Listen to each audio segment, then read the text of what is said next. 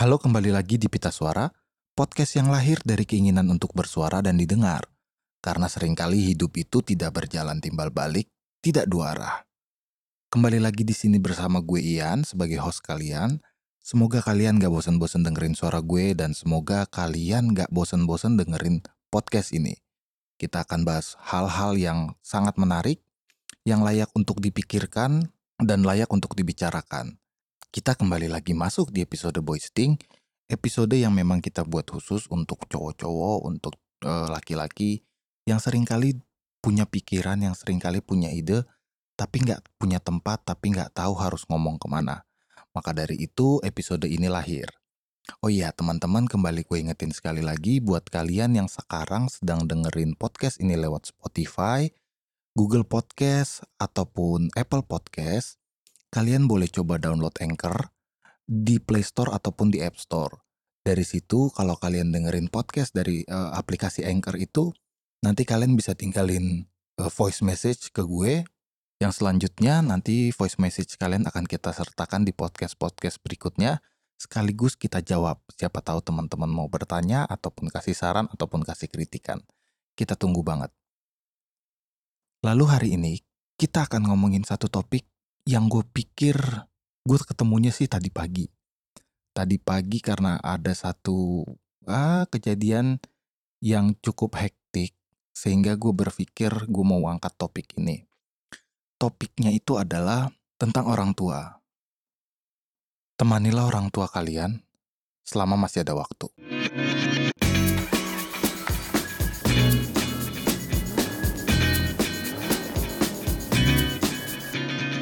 Jadi gue mau cerita dulu pengalaman gue hari ini. Ya jadi kemarin itu gue nggak bisa tidur. Bisa tidur sih cuma sebentar banget. Kayak kira-kira jam tigaan gitu gue bangun, terus gue nggak bisa tidur lagi sampai pagi. Nah pagi-paginya itu nyokap gue ngeluh sesak. Jadi memang kebetulan nyokap gue ini punya riwayat uh, sakit jantung. Jadi dia ada penyempitan di katupnya, ada gangguan di katupnya. Nah, eh, karena gue juga masih dalam keadaan setengah sadar, bisa dibilang ngantuk juga iya, tapi nggak bisa tidur juga. Jadi gue agak panik dong, agak panik. Nah, jadi gue langsung bawa nyokap gue ke rumah sakit, ke rumah sakit spesialis jantung gitu. Dan memang kita hari itu, eh, kita hari ini memang ada jadwal untuk kontrol. Cuma karena nyokap sudah bilang dia sesak, akhirnya gue berpikir ya sudahlah masuk IGD aja dulu. Kalau memang nanti tidak ada eh, keadaan yang darurat, yang masuk kategori darurat menurut dokter bisa langsung kontrol. Nah ternyata memang pas sampai di UGD setelah diperiksa sama dokter di EKG dan lain-lain ternyata memang tidak ada keadaan yang masuk kategori, darurat gitu akhirnya eh, nyokap disarankan untuk lanjut kontrol lanjut kontrol ke poliklinik Nah, tapi sementara gue mengurus administrasi di depan dan lain-lain, jadi nyokap diperbolehkan untuk istirahat di IGD. Karena kebetulan memang IGD-nya pada hari itu, pada tadi ya, pada saat tadi, itu memang lagi kosong gitu. Jadi nyokap diperbolehkan istirahat di situ sembari gue mengurus administrasi dan lain-lainnya.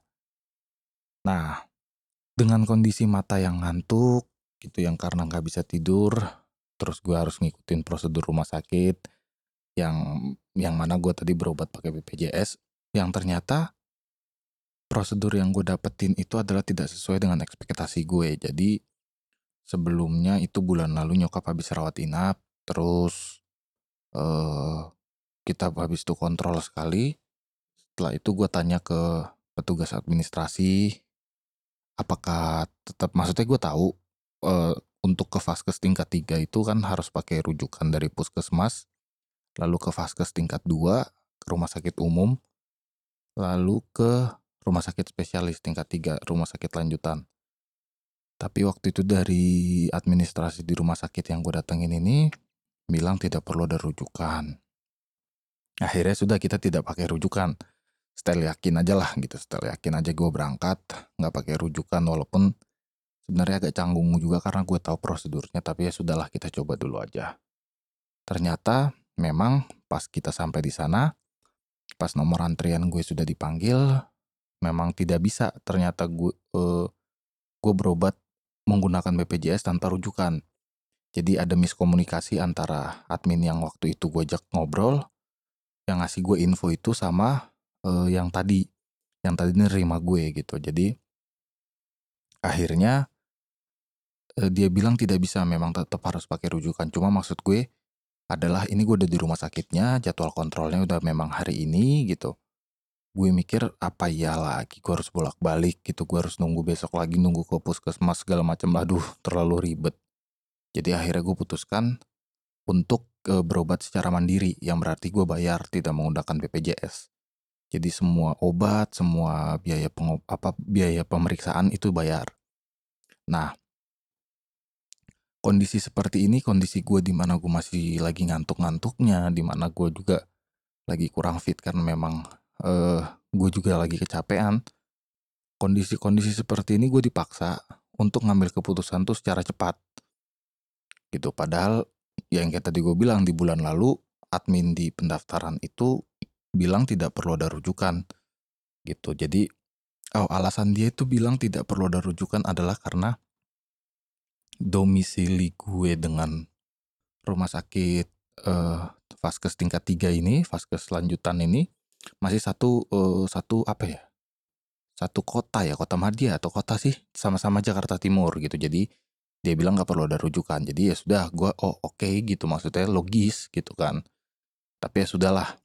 Jadi karena terjadi salah komunikasi gitu, akhirnya ya kayak yang tadi gue bilang, gue memutuskan untuk uh, berobat untuk kontrol dengan jalur mandiri yang mana berarti tidak di cover oleh BPJS segala biaya pemeriksaan ataupun obat gitu.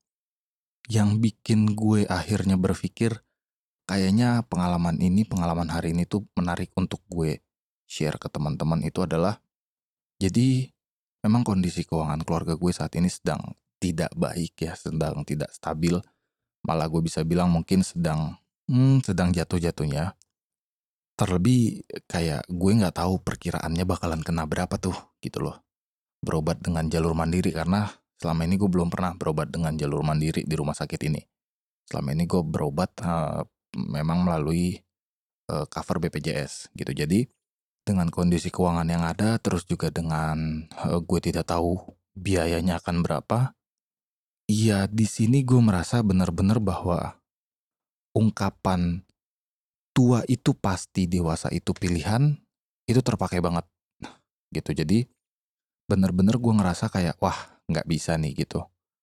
Gue tahu kalau gue harus bikin rujukan dulu yang mana berarti akan jadi lebih lama lagi gue harus nunggu lagi bikin rujukan ke vaskes 1 ke vaskes 2 baru ke uh, vaskes 3 gitu kan ke rumah sakit yang mau gue datangin itu.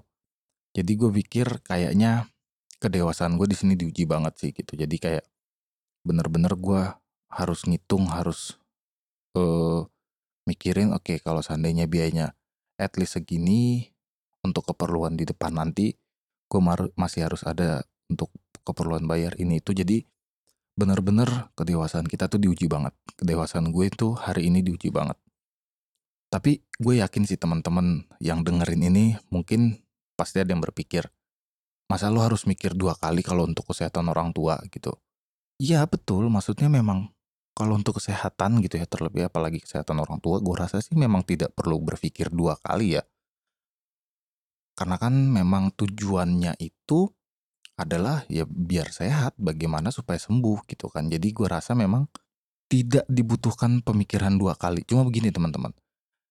Kayak yang tadi gue bilang dengan kondisi keuangan dan lain-lain itu, gue juga harus tetap berpikir, gue juga harus punya pertimbangan tentang yang kayak tadi gue bilang tentang apa yang ada di depan gue, apa yang akan gue bayar di depan selanjutnya, eh, tagihan-tagihan apa yang ada di depan itu gue juga harus pikirin.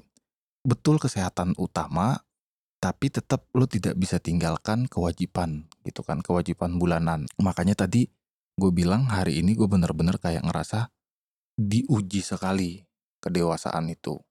Dan gue bener-bener ngerasa hari ini adalah bahwa memang betul tua itu pasti tapi dewasa itu pilihan gitu jadi kayak wah gue gila sih gue diuji banget hari ini dan Ya gue bersyukur sih, bersyukur banget, gue bersyukur banget.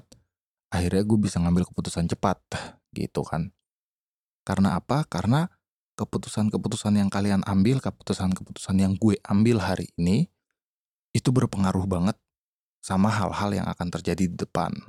Itu let's say, kayak misalnya eh, dengan biaya yang gue keluarkan hari ini untuk berobat mandiri, mungkin uh, gue bisa pakai di uh, di hari-hari besok untuk beli bahan makanan yang bisa gue masak, bisa gue olah untuk jadi makanan yang lebih enak, untuk jadi makanan ke buat nyokap gue yang lebih sehat gitu. Jadi gue berpikir ya tetap harus ada pertimbangan karena apa pun yang kalian putuskan di hari ini, apa pun yang gue putuskan hari ini, apa pun yang gue putuskan tadi itu sangat berpengaruh banget untuk eh, hal-hal uh, yang ada di depan.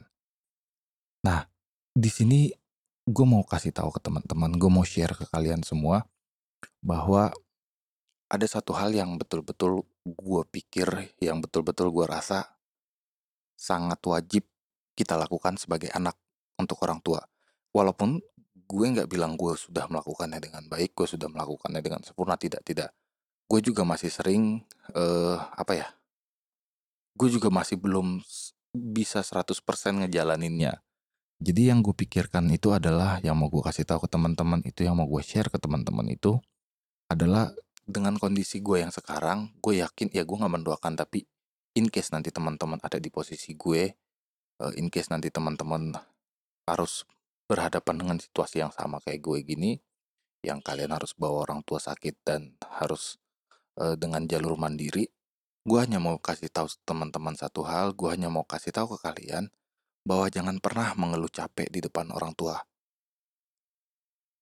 Gitu. Jadi jangan pernah kalian mengeluh capek di depan orang tua kalian ketika kalian bantu mereka. Misalnya bantu mereka dalam hal yang seperti ini gitu. Menin mereka ke rumah sakit, ngantar mereka bolak-balik kontrol segala macem gitu. Karena apa? Karena gini, kita ada, gue ada sebagai anak, kalian ada sebagai anak itu sampai sekarang karena ya orang tua kita tidak pernah capek merawat kita. Jadi kalau bayangin aja kalau teman-teman uh, kita bayangin kalau orang tua itu pernah ngerasa capek ngerawat kita ya mungkin kita juga jadi gembel kali sekarang atau mungkin malah kita sekarang udah nggak hidup gitu kan jadi itu yang mau gue share ke kalian yang mau gue kasih tahu ke kalian jadi jangan pernah uh, jangan pernah ngeluh capek jangan pernah bilang capek terlebih itu di depan orang tua kalian. Kalaupun kalian capek ya udah terima aja, tahan aja. Gitu loh. Kalian bisa ada sampai sekarang ya orang tua kalian juga lebih capek pasti. Gitu. Terlebih kalau kayak lo, lo yang bandel gitu ya, yang pendengar-pendengar yang uh, kalau sekolah dulu kerjanya cabut, kerjanya berantem, orang tua dipanggil mulu, aduh itu sih udah luar biasa sih. Jadi jangan pernah ngeluh kalau kalian capek di depan orang tua kalian. Sempat datang ke pikiran gue uh, kayak gue ngerasa kalau gue ngomong kayak gini kayaknya gue anak yang selalu nurut banget sama orang tua ya. Kayaknya gue itu adalah anak yang akan selalu nurut apa pun orang yang orang tua gue bilang oh enggak enggak enggak gitu teman-teman uh, menurut gue adalah menghargai orang tua itu wajib menghormati mereka juga kewajiban dan keharusan tapi sekarang gini deh coba kita pikirin Tuhan menciptakan kita itu, kita dikasih otak dan kita dikasih mulut sama Tuhan. Nah sekarang, kalau kita nggak boleh mikir, kalau kita nggak boleh ngomong apa yang sesuai dengan kita, buat apa Tuhan kasih itu semua ke kita? Di sini gue bukan berarti mengajarkan teman-teman maksudnya uh, untuk ngelawan ya, enggak enggak. Tapi maksud gue adalah lebih ke bahwa kita sebagai seorang anak itu juga berhak untuk ngomong, berhak juga untuk bersuara ketika kita merasa bahwa apa yang orang tua inginkan itu tidak sesuai dengan kita. Karena yang tahu apa yang sesuai dengan kita ya kita sendiri. Nggak ada yang lain gitu loh. Jadi uh, gue juga mau kasih tahu ke teman-teman jangan jangan jadi anak yang hanya bisa atau anak yang hanya mau ngedengerin apa pun yang orang tua bilang no Tuhan ciptakan kita dengan otak, Tuhan ciptakan kita dengan mulut, kita dikasih otak, kita dikasih mulut. Itu gunanya kita untuk mikir, itu gunanya kita untuk ngomong. ketika ada sesuatu yang kita rasa tidak sesuai dengan kita. Gitu. Tapi bukan berarti gue mau ngasih tahu ke teman-teman, ngajarin teman-teman untuk ngelawan. Enggak, gue nggak ngelawan. Maksudnya gue nggak ngajarin kita untuk kalian untuk ngelawan. Kita dikasih otak untuk mikir, kita dikasih otak untuk ngomong, dan gue rasa kita tahu sih cara ngomong ke orang tua yang baik itu gimana. Gitu. Jadi jangan takut untuk speak out ke, ke orang tua kalian. Selama kalian merasa bahwa apa yang kalian ucapkan itu adalah hal yang benar, hal yang sesuai sesuai sama kalian gitu. Jadi maksud gue gini loh, bukan lagi menuruti apa pun yang orang tua mau, apa pun yang orang tua e, inginkan gitu. Karena gini, kita semua manusia, kita semua tidak ada yang abadi. Orang tua kita kita nggak tahu umurnya ada berapa, berapa lama lagi. Jangan sampai ketika kita nurutin apa kemauan orang tua, lalu mereka nanti udah pergi, ternyata tidak sesuai dengan keinginan kita gitu. Jadi kita melakukan apa yang orang tua minta itu sebenarnya hanya untuk membuat orang tua kita senang. Percaya deh teman-teman, orang tua kita itu akan jauh lebih senang ketika kita sukses dengan cara apa pun. Yang mereka mau itu kita sukses dengan cara apa pun yang kalian inginkan, yang menurut kalian sesuai dengan kalian. Itu jadi jangan selalu ngikutin banget apa yang orang tua bilang. No, teman-teman. Karena yang tahu kalian itu ya hanya kalian sendiri. Ini sedikit eh, apa ya? Sedikit share gue tentang pengalaman gue hari ini yang bikin gue mikir banyak banget, bikin gue mikir panjang banget tadi sampai akhirnya gue berpikir kayaknya gue mau share ini ke teman-teman pendengar gitu supaya teman-teman juga eh, tahu gimana pandangan gue terhadap hal-hal yang berkaitan dengan kesehatan orang tua, eh, gimana pandangan gue terhadap cara gue bertindak eh, sebagai anak gitu. Jadi yang gue mau bilang sama teman-teman adalah jangan pernah bilang capek di depan orang tua kalian kalau kalian nemenin mereka berobat, kalau kalian nemenin mereka ke rumah sakit, atau kalau kalian eh, nemenin mereka kontrol ke mana pun gitu dan ya temanin lah orang tua kalian ketika masih ada waktu. Kita nggak ada yang tahu mereka akan hidup berapa lama lagi. Selama masih ada waktu, silahkan manfaatkan. Karena selalu gue bilang, pintu kesempatan itu memang akan datang dua kali. Tapi yang kedua kali itu, kita nggak tahu kapan. Jadi selama ada kesempatan, manfaatkan. Jadi sekian dulu teman-teman eh, podcast kita di episode Boysting kali ini. Gue harap dengan obrolan yang gue kasih ke teman-teman kali ini bisa bikin teman-teman mikir lebih jauh lagi, bisa bikin teman-teman menjadi lebih dewasa lagi. Karena yang selalu gue bilang, tua itu pasti dan dewasa itu pilihan. Gue mau ingetin sekali lagi buat teman-teman yang saat ini dengerin podcast ini lewat Spotify, lewat Google Podcast ataupun lewat Apple Podcast, teman-teman coba deh download Anchor di App Store ataupun di Play Store karena dari situ nanti kalian bisa tinggalin voice message ke kita, voice message ke gue yang nantinya voice message itu akan gue sertakan di podcast-podcast berikutnya. Nah, voice message itu bro, boleh berupa pertanyaan, boleh berupa kritik, ataupun boleh berupa saran. Pokoknya apa pun yang kalian mau tanyakan, kita akan terima, nanti akan kita sertakan di podcast-podcast berikutnya. Gitu. Jadi, gue mau ucapin makasih banget buat teman-teman yang udah mau dengerin uh, obrolan ini yang udah mau dengerin hasil pikiran gua hari ini. Semoga bermanfaat buat teman-teman dan semoga bisa jadi renungan kita bersama bagaimana nantinya kalau kita dihadapkan pada kondisi untuk ngurusin orang kita orang tua kita yang lebih intens lagi. Nah, selanjutnya nanti e, di podcast berikutnya kita akan ngomongin hal-hal yang lebih mungkin lebih dewasa lagi, tapi juga mungkin lebih nyeleneh lagi ya, who knows gitu. Maka dari itu gue juga tunggu feedback dari teman-teman uh, supaya kita bisa saling uh, timbal balik komunikasinya. Oh iya jangan lupa follow uh, Instagram kita di @pitasuara podcast.